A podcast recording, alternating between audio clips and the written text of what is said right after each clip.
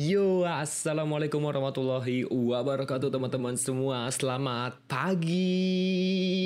Yo. Oke, jadi sekarang ini hari apa ya? Sekarang tuh hari hmm, Selasa. Ya, kalau nggak salah hari Selasa. Dan di Bandung ini hari Selasa hujan sekali ya. Hujannya tuh deras banget. Tadi bahkan pas gue lagi ngerjain sesuatu di laptop gue tiba-tiba ada kilatan jedor langsung Masya Allah ya Rabbi Assalamualaikum Wah gue sumpah itu Gue langsung kaget banget. Kaget-kaget sekagetnya itu tuh kayaknya uh, Petirnya itu gak jauh dari di mana gue tinggal.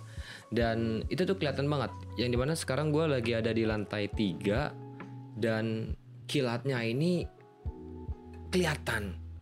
Uh, kelihatannya sih cuman cahayanya aja cuman ya ya cahayanya aja tapi deket banget bener-bener putih pernah gak sih kalian ngerasain kayak gitu? Tubuhnya kaget udah pula gue di sini sendirian kan. Eh, tambah-tambah ada tuh sendirian kilat gede hujan juga gede. Ya lengkap sudah. Tapi ya tidak apa-apa lah namanya juga pengalaman. Jadi ya ya udahlah. Uh, hitung-hitung juga uji keberanian uji mental. Ya pokoknya itulah Oke teman-teman, sekarang sorry tadi udah ada intronya sedikit tentang cerita kilat dan sekarang kita masuk ke inti aja tentang cerita kita. Di sini kebetulan ada teman gue yang sangat baik sekali mau membagikan cerita kisah hidupnya. Dan bagaimana ceritanya? Semoga teman-teman bisa mengambil hikmah ataupun manfaat dan juga bagi teman-teman yang ingin mengirimkan ceritanya langsung saja bisa ke Instagram gua Fajar Everdiansyah. Yaudah ya guys ya, langsung saja kita bacakan salah cerita dari salah satu teman gua di cerita kita. Hai, kenalin. Aku wanita berusia 21 tahun yang merantau ke salah satu kota di Jawa Barat, yakni Bandung. Aku ingin berbagi sedikit pahit dan manisnya love story yang aku alami selama 21 tahun ini. Selama aku pernah menjalani dua kali pacaran, aku semakin merasa aku harus membentengi diriku sendiri. Oh, benteng. Oke, okay. kayak kayak wall titan ya, harus dibentengin juga gitu. Hubungan pertama dengan mantanku itu aku merasa bahwa aku hanyalah orang yang untuk melampiaskan keinginan dia. Oh my god, brother. Hampir lima kali aku putus nyambung, putus nyambung, putus nyambung, putus nyambung. Itu malah lagu cuy. Eh, hampir lima kali aku putus nyambung dengan dia. Setiap dia putus sama seseorang, dia tuh selalu kembali kepadaku dan untungnya aku disadarkan oleh temanku bahwa aku hanyalah pelampiasan dia saja. Wah ini keren banget nih temannya, penyelamat. Ini harus di di di keep nih teman-teman kayak gini nih. Entahlah karena mungkin ini akunya yang terlalu bodoh dan naif. Sampai nggak bisa ngelihat apa niatan dia selalu balik ke aku. Sedangkan mantan kedua aku tuh adalah kakak kelasku. Oh, wah kakak kelasnya yang mantan keduanya ya. Oke.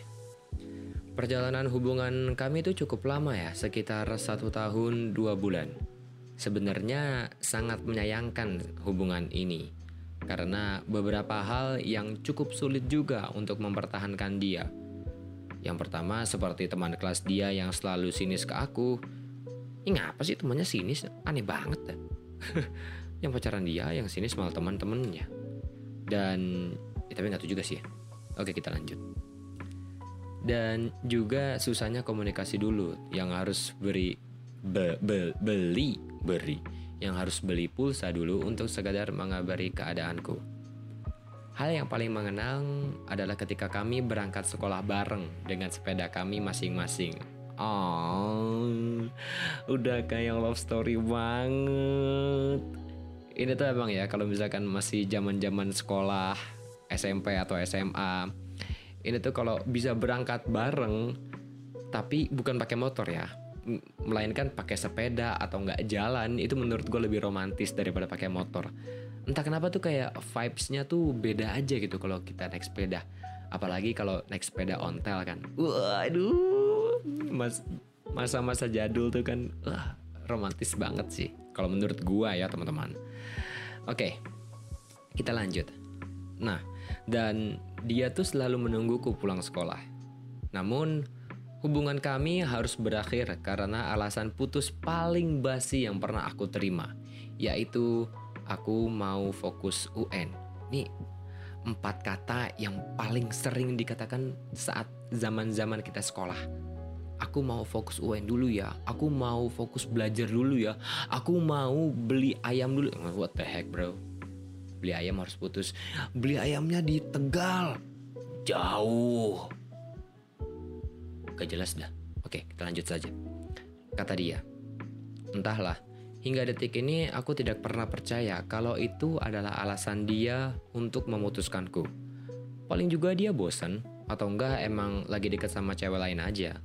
Karena tepat setelah dia selesai UN, aku melihat postingan dia dengan pacar barunya. Aduh, aduh, aduh.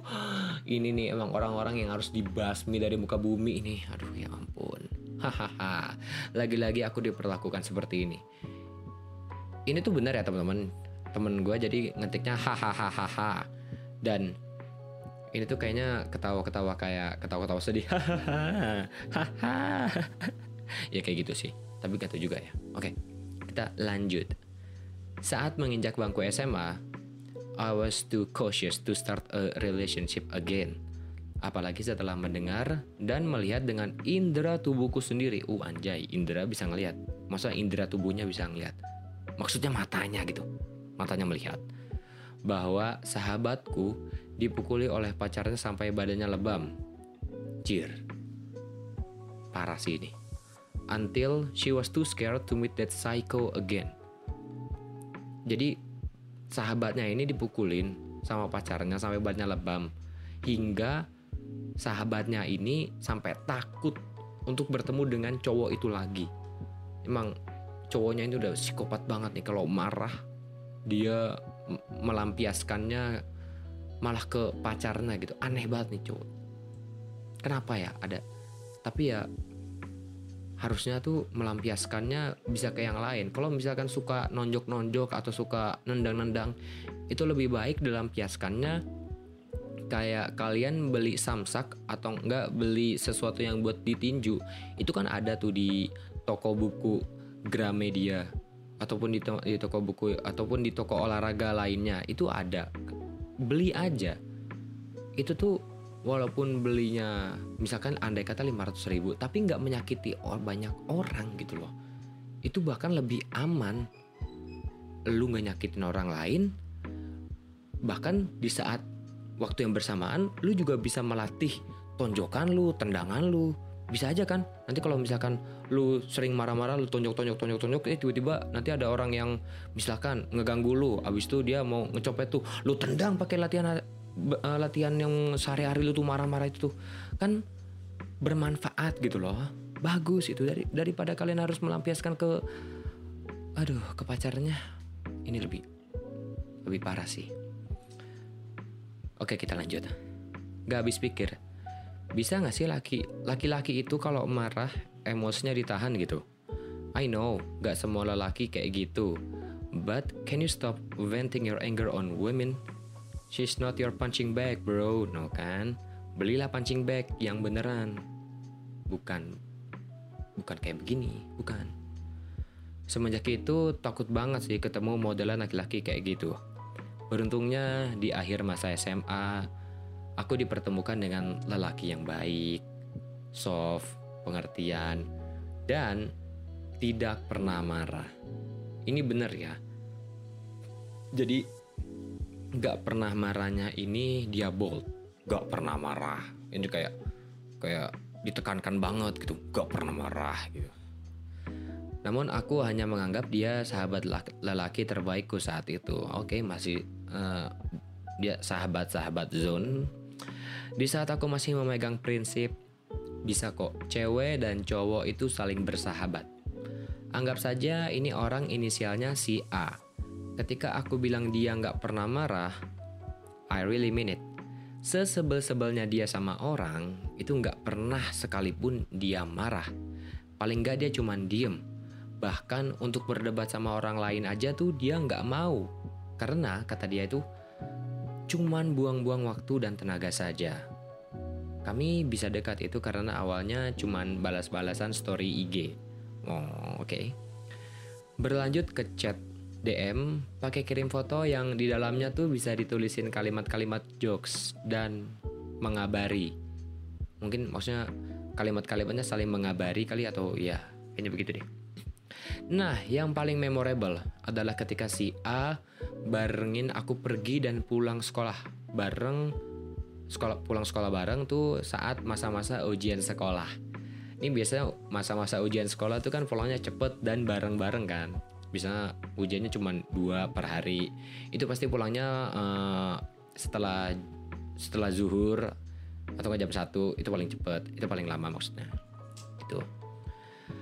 Dan Nah, karena si A ini lagi disukain sama beberapa wanita, oh kayaknya si A ini orangnya famous ya sampai disukai nama beberapa wanita juga dia itu nggak mau kelihatan uh, dia barengin pulang dengan aku ataupun saat pergi ke sekolah jadinya aku disuruh masuk kelas duluan bahkan pas balik pun kami harus nunggu sekolah sepi biar orang nggak tahu kalau kita pulang dan pergi sekolah bareng oke oke ini kayaknya ini sangat lucu ya saat kita membayangkan bagaimana rencananya mereka gitu. Eh, pulangnya nanti aja ya. Tunggu sekolah sepi, baru kita pulang. Emang kenapa? Aduh, nggak enak. Masih banyak orang.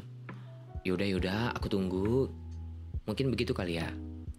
Itu uh, bayangan orang. Oh, jatuh kan? Aduh, aduh. Maaf, maaf. Ini ada papan jatuh. Sorry, sorry. Kaget ya. Semoga nggak kaget. Oke kita lanjutin lagi. Nah, dia itu juga nggak pernah mau ngajak aku ke McD karena kata dia tuh di situ sarang teman-teman sekolah aku nongkrong. Ya udah kita berakhirlah berakhirlah kami nongkrong di sebelah gaul Bandung yang agak jauh dari sekolah. Se-effort itu dia nggak mau jadi bahan omongan orang dan nggak mau debat sama orang. Padahal aku tuh hanya sebatas sahabatan doang sama dia. Oh ya lanjut, teruslah itu kita chat DM-DMan, saling balas-balasan foto. Hampir semua kegiatan yang aku atau dia lagi lakuin itu kita saling ngasih tahu. Dari aku yang lagi ngekerasin teman dia, bahkan pernah juga tuh dia request ganti karet behel aku dengan warna yang dia suka. Sukanya warna apa ya? Maksudnya warnanya coba warna kuning gitu. Wow, kan keren gitu, menonjol gitu warna kuning. Warna kuning nggak ya kira-kira nggak tahu juga sih oke okay. oh ya karena kita itu satu tempat les jadinya teman-teman les kami yang tahu kalau kita lagi deket doang oh jadi cuma teman-teman lesnya doang sampai akhirnya kami lulus dia keterima di salah satu universitas swasta di Surabaya, sedangkan aku keterima di universitas swasta di Bandung. Semenjak kuliah pun kami tetap intens tuh balas-balasan DM. Awal kecurigaan dia having crush on me itu ketika dia upload story IG di close friend di close friendnya yang lagi nyanyi lagu She Was Ma She Was Mine by EJ Rafael sambil main gitar tuh dan ngetek aku tapi disembunyiin gitu. Nah bisa biasa kan kita ngeliat kayak gini. Lihat di storynya aku nggak ada nama itu sebenarnya dikekananin udah tau lah ya kanan kiri atas bawah udah bebas lah udah tahu pasti teman-teman juga oke okay. uh, eh, akhirnya tuh aku belokin tuh percakapan kami jadinya uh, aku malah request lagu ke dia tapi sambil diiringin pakai keyboard aja hehehehe selain itu dia juga sempat kesel sama aku gara-gara waktu lagi liburan kuliah itu aku pulang ke rumah tapi nggak ngabarin dia Aku balik sendiri dan tidak ada yang jemput. Akhirnya aku janjian sama dia pas waktu nanti liburan kuliah selanjutnya, itu aku bakal ngabarin ke dia dan bakal dan dia tuh bakal jemput aku. Dan beneran dong, dia jemput aku di Bandara Juanda. Tapi malah muter-muter karena aku turun di Terminal 1 dan dia malah jemput aku di Terminal 2. Ini miskomunikasi atau dia aja yang nggak pakai map ya mbak? Hmm. Atau mungkin dia udah pakai map tapi masih keliru juga. Gak ada yang tahu. Oke. Okay. Udahlah tuh, baru ketemu habis maghrib. Mana dia ngide lagi kan minta tolong ke orang asing untuk fotoin kami sedang berdua. Ah, uh, beranian banget ya ya. Di mana aku tuh udah bete plus kucel. Tapi aku tetap turutin sih kata dia. Kata dia tuh buat kenang-kenangan lah. Oh ya by the way, mamaku tuh tahu kalau si A ini sahabat deket aku. Karena pas waktu itu tuh pernah main ke rumah juga. Singkat cerita, aku diajak main ke Malang sama dia. Kami main ke Paralayang sama teman-teman kami yang lain.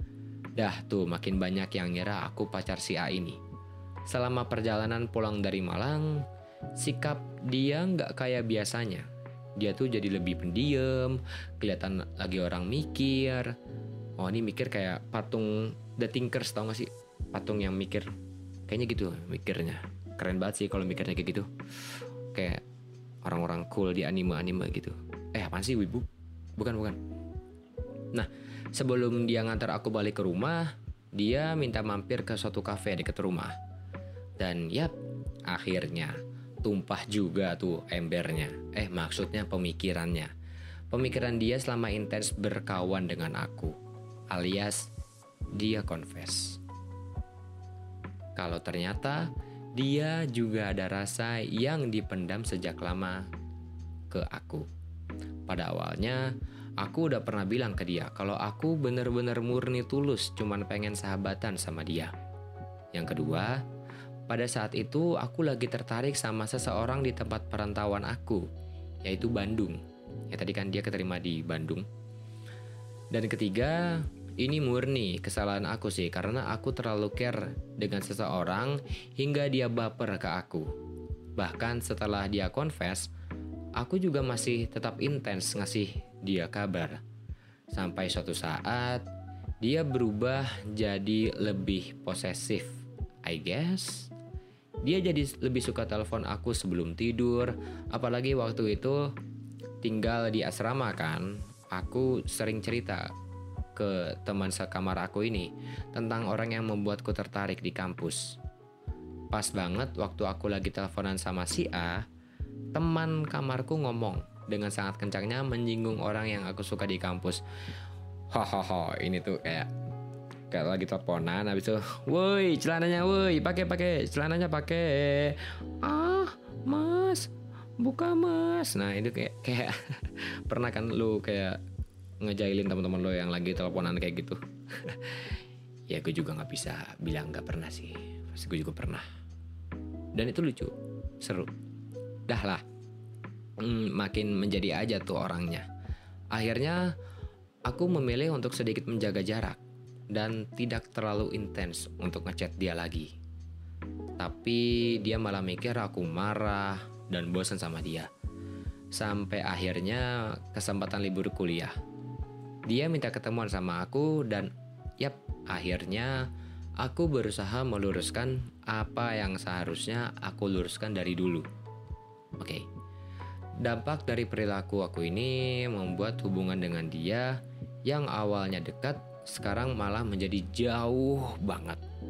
Dan perilaku dia ke teman-teman ceweknya juga lebih menjaga jarak. Sebenarnya butuh waktu dua bulan untuk aku meluruskan kesalahpahaman perilaku aku ke dia. Tapi untuk sekarang, untungnya dia telah memaafkan aku. Dan for your information, dia telah memiliki pacar juga. I hope your relationship goes well, yep, my dear friend. Nah, ini semoga sahabatnya nih atau si orang si A ini mendengarkan podcast ini sehingga nih teman gue ini pesan dari teman gue ini dapat tersampaikan ke si A ini. Oke, okay. dari tadi udah disebut juga bahwa aku sedang tertarik dengan seseorang di kampusku. Sebut aja dia si B. Teman sesirkel aku juga di kampus. Sebenarnya dia sama dengan teman-teman lakiku pada umumnya. Yang buat aku tertarik itu adalah perilaku dia waktu masih semester awal. Karena aku sempat stres dan sakit-sakitan, aku harus tetap menghadiri perkuliahan dengan kondisi badan yang kurang fit aku lupa tepatnya uh, aku lupa tepatnya itu setelah selesai kelas atau selesai kerja kelompok karena aku dan dia masih sama-sama anak asrama, jadinya kami balik jalan berdua. Pada saat itu badanku udah nggak bisa ke kontrol lagi dah tuh. Akhirnya makanan yang aku makan dari semalam aku muntahin di depan gedung kampusku dan juga di depan dia. Waduh, ini sih aduh. Waduh. Ini lu ke, kebayang gak sih seberapa malunya dia kalau ampun. Lu suka sama seseorang dan di saat yang bersamaan lu muntah di depan dia. Ya, gue nggak gue belum pernah merasakan sih cuman kayaknya kayaknya sih ya kayaknya nih. Kayaknya sih ada dikit-dikit malu lah gitu. Tapi kita coba aja. Dan he gave me a bottle of water that he just bought nah sebagai wanita wajar dong kalau malu kelihatan memaksakan diri di depan laki. Tapi aku nggak tahu. Pada saat itu aku hanya merasakan kekhawatiran kekhawatiran dia tentang aku. Jujur sebenarnya ini tuh adalah basic manner banget sih perilaku teman khawatir kayak kita kayak gini. Tapi eh, nggak uh, tahu kenapa ya semenjak itu aku mulai tertarik ke dia. Banyak hal yang semakin buat aku baper dari kelakuan dia dari sering jahilin aku sampai apa-apa nanya tugas ke aku semakin aku memperhatikan dia itu aku menyadari bahwa dia berperilaku gitu ke semua wanita maksudnya tuh uh, dia tuh emang orang yang baik dalam artian menghargai ke semua wanita. Ada suatu saat di mana temanku ini selalu menyuruh si B untuk berkenalan dengan wanita-wanita kenalan dia. Di situ aku benar-benar kesel, bahkan mood aku seharian itu benar-benar hancur. And I just realized that I am no one to him. Just a friend who had the same struggle to be able graduate from our college. Aku merasa rasa yang aku punya untuk dia tuh udah gak sehat lagi gitu. Karena itu aku mulai mengabaikan dia dan juga berusaha cuek bahkan mulai memberi jarak. Untungnya aku lagi-lagi terbantu dengan adanya waktu pandemi COVID-19. Ya, kan waktu pandemi COVID-19 seluruh universitas atau pembelajaran yang mengharuskan tatap muka itu kita harus daring atau dari online. Nah, jadi ya mereka tidak ketemuan dan of course we know kalau misalkan semua udah di ke onlinein itu somehow somewhat kita tuh jadi kurang berinteraksi dengan teman-teman kita. Itu sih yang gue rasakan dan ramainya itu maksudnya uh, komunikasi lagi itu di saat ada misalkan UTS atau UAS. Oke? Okay? Nah, COVID-19 yang akhirnya tidak bisa mempertemuan aku dengan dia. Karena kampung halaman kami yang berbeda, chat pun juga hanya sebatas tugas atau masalah kelompok. Gak kerasa dua tahunan udah gak ketemu sama dia. Akhirnya tiba di mana kami memasuki semester akhir. Ini lu kayak apa sih kayak pernah baca bukan baca ya lihat meme yang pertama dia lagi melek tiba-tiba dia kedip dia melek lagi kayak semester 1 melek pas merem itu semester 2, 3, 4, 5, 6, 7 melek lagi semester 8 ya itu contoh aja sih. Kayak gitu. Oke kita lanjut. Uh, sebenarnya aku biasa aja sih mau balik ke Bandung tepatnya pada bulan Desember 2021 tapi itu deg-degan. But at the same time sih apalagi ketika aku mengupload story dan dia nge-reply story unggahan aku dengan kalimat take care. Gonjang ganjing gak tuh? Rasa yang udah sempet jadi B aja sekarang malah jadi deg-degan. Oke, cuman karena kata-kata take care doang, ini dia langsung jadi yang tadi biasa aja jadi itu kayak orang lagi nge ngebor uh, jalan jadi kayak gitu kali ya excited tapi takut juga sih dikit-dikit gitu. Lagi lagi-lagi beruntungnya aku diceramahi dan dinasehati sahabatku buat nggak terlalu berharap sama manusia. Tidak menggantungkan ekspektasi ke manusia. Bahkan kalau emang real kamu suka, ya udah, biarin dia bahagia sama apa yang dia akan pilih nantinya. Gue suka sih uh, saran dari sahabatnya dia buat tidak terlalu berharap dengan manusia. Karena outcome-nya itu pasti mengecewakan. Bukan pasti, maksudnya uh, most of it. Jadi lebih baik kita percaya dengan diri sendiri dan percaya kita percaya ke Tuhan yang Maha Esa. Oke, kita balik lagi ke ceritanya. First time ketemu dia lagi setelah 2 tahun, aku ditawarin untuk dijemput di kosan untuk pergi ke cafe dengan teman-teman aku. Aku okein dong. If you know, at that time I was very nervous. Aku selalu mikir apa yang harus aku katakan setelah 2 tahun gak ketemu. Apakah nanti canggung? Topik apa ya yang biar nyambung, yang terus nyambung omongannya? Dan setelah dia datang, woi, Ui. Ternyata dia juga membawa temannya. Aku disuruh bareng boncengan dengan temannya dia.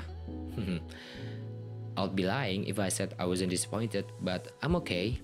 Seriously. Mungkin ini peringatan dari Tuhan untuk aku supaya menjaga jarak dengan dia.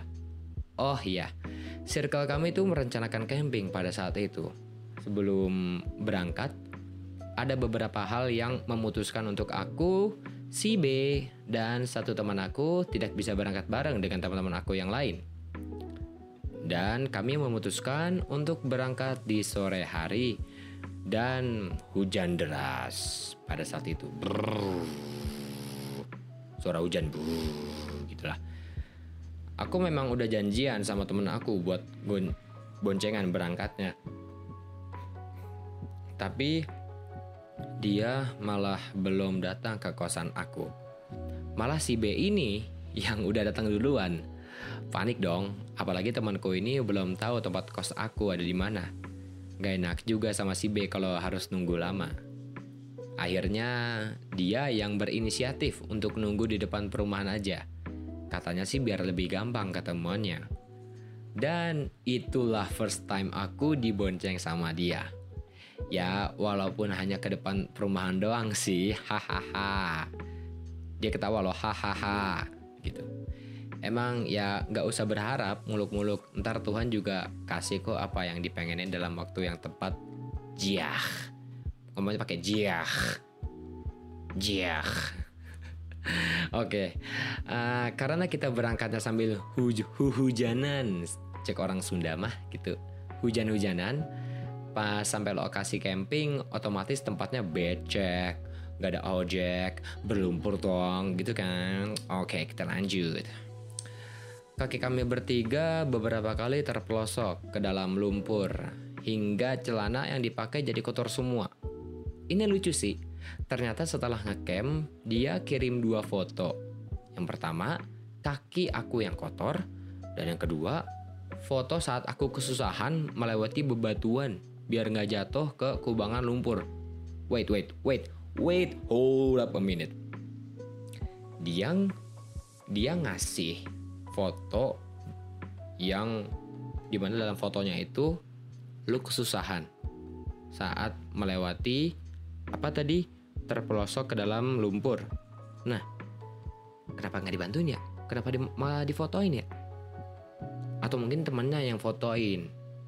oh kayaknya temannya ada yang fotoin soalnya oh di, mereka bertiga kan lagi jalan kayaknya gitu deh Ntar ini kenapa gue jadi detektif kayak gini? Malah mau mereka yasakan kejadian? Ah nggak usah lah. Kita lanjut saja. Oh iya, setelah camping, aku juga baru nyadar ada beberapa foto, grup, dan footage video yang dia entah itu kebetulan atau emang sengaja dia ngeliatin aku. Berulang kali aku selalu reminder ke diri sendiri kalau nggak boleh baper lagi. Ini mah cuman kebetulan aja. Tapi ini nggak menutup kemungkinan kalau aku sedikit senang sih. Ya iyalah bro, cuy. Saat lu foto bareng-bareng dengan teman-teman lu dan di salah satu foto jepretannya itu kebetulan dia melihat lo. Wah, pasti senang banget sih. Apalagi lagi masa-masa kayak gini kan, ini pasti terkenang banget sih gue yakin. Oke, kita lanjut lagi. Karena bulan Desember ini aku cuman semingguan di Bandung, jadi aku balik lagi tuh ke rumah buat ngerayain tahun baru bareng keluarga. And there's nothing special to tell. Kita time skip hingga Februari 2022. Aku balik ke Bandung lagi. Perasaan jadi agak lebih sedikit tenang Oh iya, akhir ini aku jadi sering keluar untuk sekedar cari makan dengan teman-teman, plus si B ini. Pada saat itu, aku disuruh ke kosan mereka untuk ngumpul dulu. One thing that really surprised me adalah ketika dia minta nebeng dengan aku. Kayak, what? Seriously? Tumben banget gitu kata dia. Padahal di situ tuh posisinya ada teman satu lagi yang bawa motor dan dia nggak ada penumpang sama sekali joknya tuh kosong joknya tuh debuan ketahuan dia tuh lagi jomblo gitu nah oke okay, ini berarti second times dia boncengin aku. Dia ngitungin ya? Gila. Kayaknya sampai sekarang dia bisa masih ngitungin tuh. Udah berapa kali digoncengin? Aku nggak tahu ya. Selama kuliah di Bandung itu dia pernah barengin atau wanita enggak kayaknya maksudnya tuh selama kuliah di Bandung si B ini pernah ngegoncengin perempuan yang lain atau enggak karena aku jarang banget ngelihat dia boncengan dengan wanita lain. Kalau ada teman laki-laki, dia biasanya minta boncengin laki sih. But who knows? We never know, right? Pas balik dari cari makan, itu masih sekitar jam 9 malam. Dia nganterin aku balik ke kosannya dulu. I mean, itu masih jam 9-an. Daerah sana juga masih rame kalau aku balik sendiri juga nggak masalah tapi dia malah nganterin aku sampai kosan dan baru deh balik sama temennya yang joknya kosong ini iya sih bener-bener. Beberapa hari setelahnya kami cari makan di tempat yang sama. Tapi bedanya sekarang aku boncengan dengan teman aku yang lain. Dan dia juga bawa motor. Kata temanku kemarin lo udah ditebengin sekarang lo bawa motor sendiri lah gitu. Tapi kali ini temanku baliknya bareng sama, bareng sama dia. Dan aku balik sendiri. Ah, isn't it supposed to be like that from the start, right? Biar nggak usah bolak-balik gitu. Kasian juga bensinnya dibuang-buang. Oh jadi ini kayak harus kayak pada kejadian pertama harusnya kan lu gak usah nemenin gua, gua bisa pulang sendiri kok ya karena itu yang pertama lu bisa lebih hemat waktu dan kedua hemat bensin dan juga lu bisa cepat pulang itu yang pertama dan yang kedua mereka si B dan temennya ngelakuin apa yang si teman gue ini pikirin ah tuh paham gak tuh bingung-bingung dah tuh ah, pikir dah tuh ha? oke kita lanjut lagi mungkin itu masih dalam jarak yang deket ya dan pada ketiga kalinya tuh kan bener kan ngitungin dan pada ketiga kalinya di Bonceng dia, ini kami main ke da daerah kota atas. Jarak yang lumayan jauh dari daerah kos kami. Selama perjalanan, aku dan si B ini sama-sama coba cari topik sih. Mulai dari obrolan film, aktor dan aktris favorit, game yang dia sukain, cara me time, toxic and health relationship, kriteria wanita yang dia suka, sampai cerita dia yang sedang menjadi secret admirer dengan seorang wanita dari kampung halamannya. Oke, jadi beberapa hari yang lalu, for the first time, dia tuh menceritakan tentang wanita yang dia suka. Si B ini nunjukin chat dia yang berusaha mencari topik untuk bisa mengobrol lebih banyak dengan si wanita ini.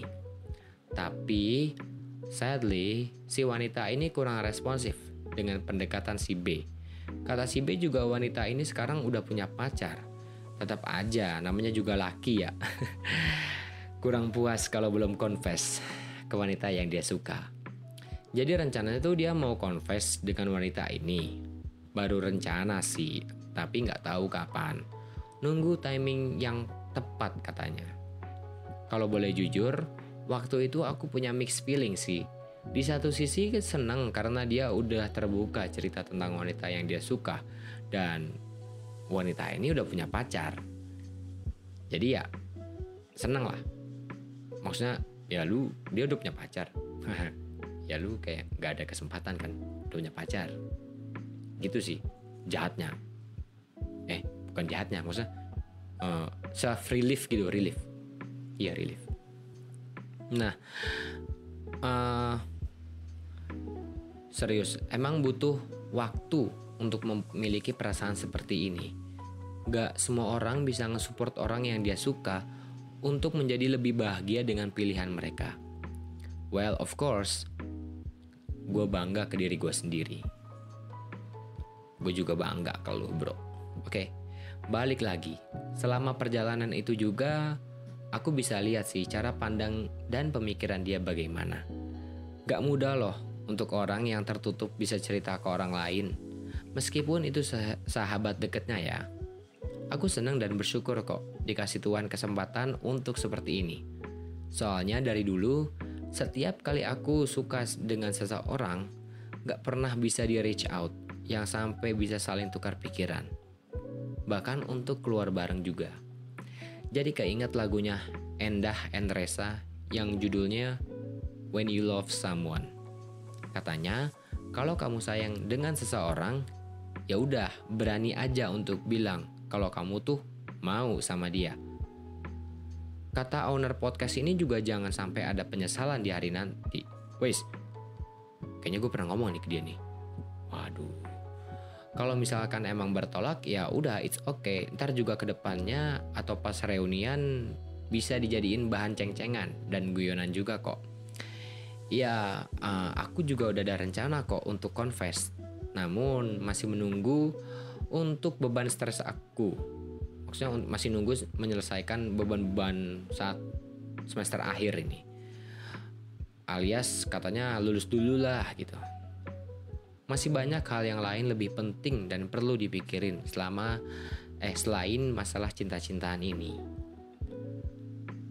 Beberapa hal yang ingin aku sampaikan dari cerita ini untuk semua lelaki di luar sana, jangan pernah melampiaskan amarah atau ego kalian ke wanita. Kami ini sama-sama manusia, bisa kan memanusiakan manusia selayaknya? Oh, bisa kan memanusiakan manusia selayaknya? Oh, this is the best best words anjay. Buat wanita, juga kalau kalian merasa hubungan kalian udah nggak sehat, take your time girl. Jangan dipaksakan. Mending mundur aja terlebih dahulu. Kesehatan mental kalian jauh lebih penting. Buat kalian juga yang punya sahabat lawan jenis, mungkin bisa lebih membatasi biar tidak ada kesalahpahaman di antara kalian. Toh, misal sahabat kalian confess nanti, kalian juga harus bisa ambil garis tegas. Oh, garis tegas antara iya aku mau sama dia atau enggak. Aku mau sama kamu. Garis tegas. Duk. Sorry, kita sahabatan saja. Itu ada garis aku. Sahabatan saja. Uh, oke. Okay. Dan untuk kalian yang masih menjadi secret admirer hingga today, ay, kayak jaksel banget ya, hingga today which is literally kalian hebat. Bisa memendam semua perasaan kalian. Tapi ingat guys, manusia itu butuh komunikasi. Kalau kalian pengen dia jadi milik kamu, ya bicaralah dengannya.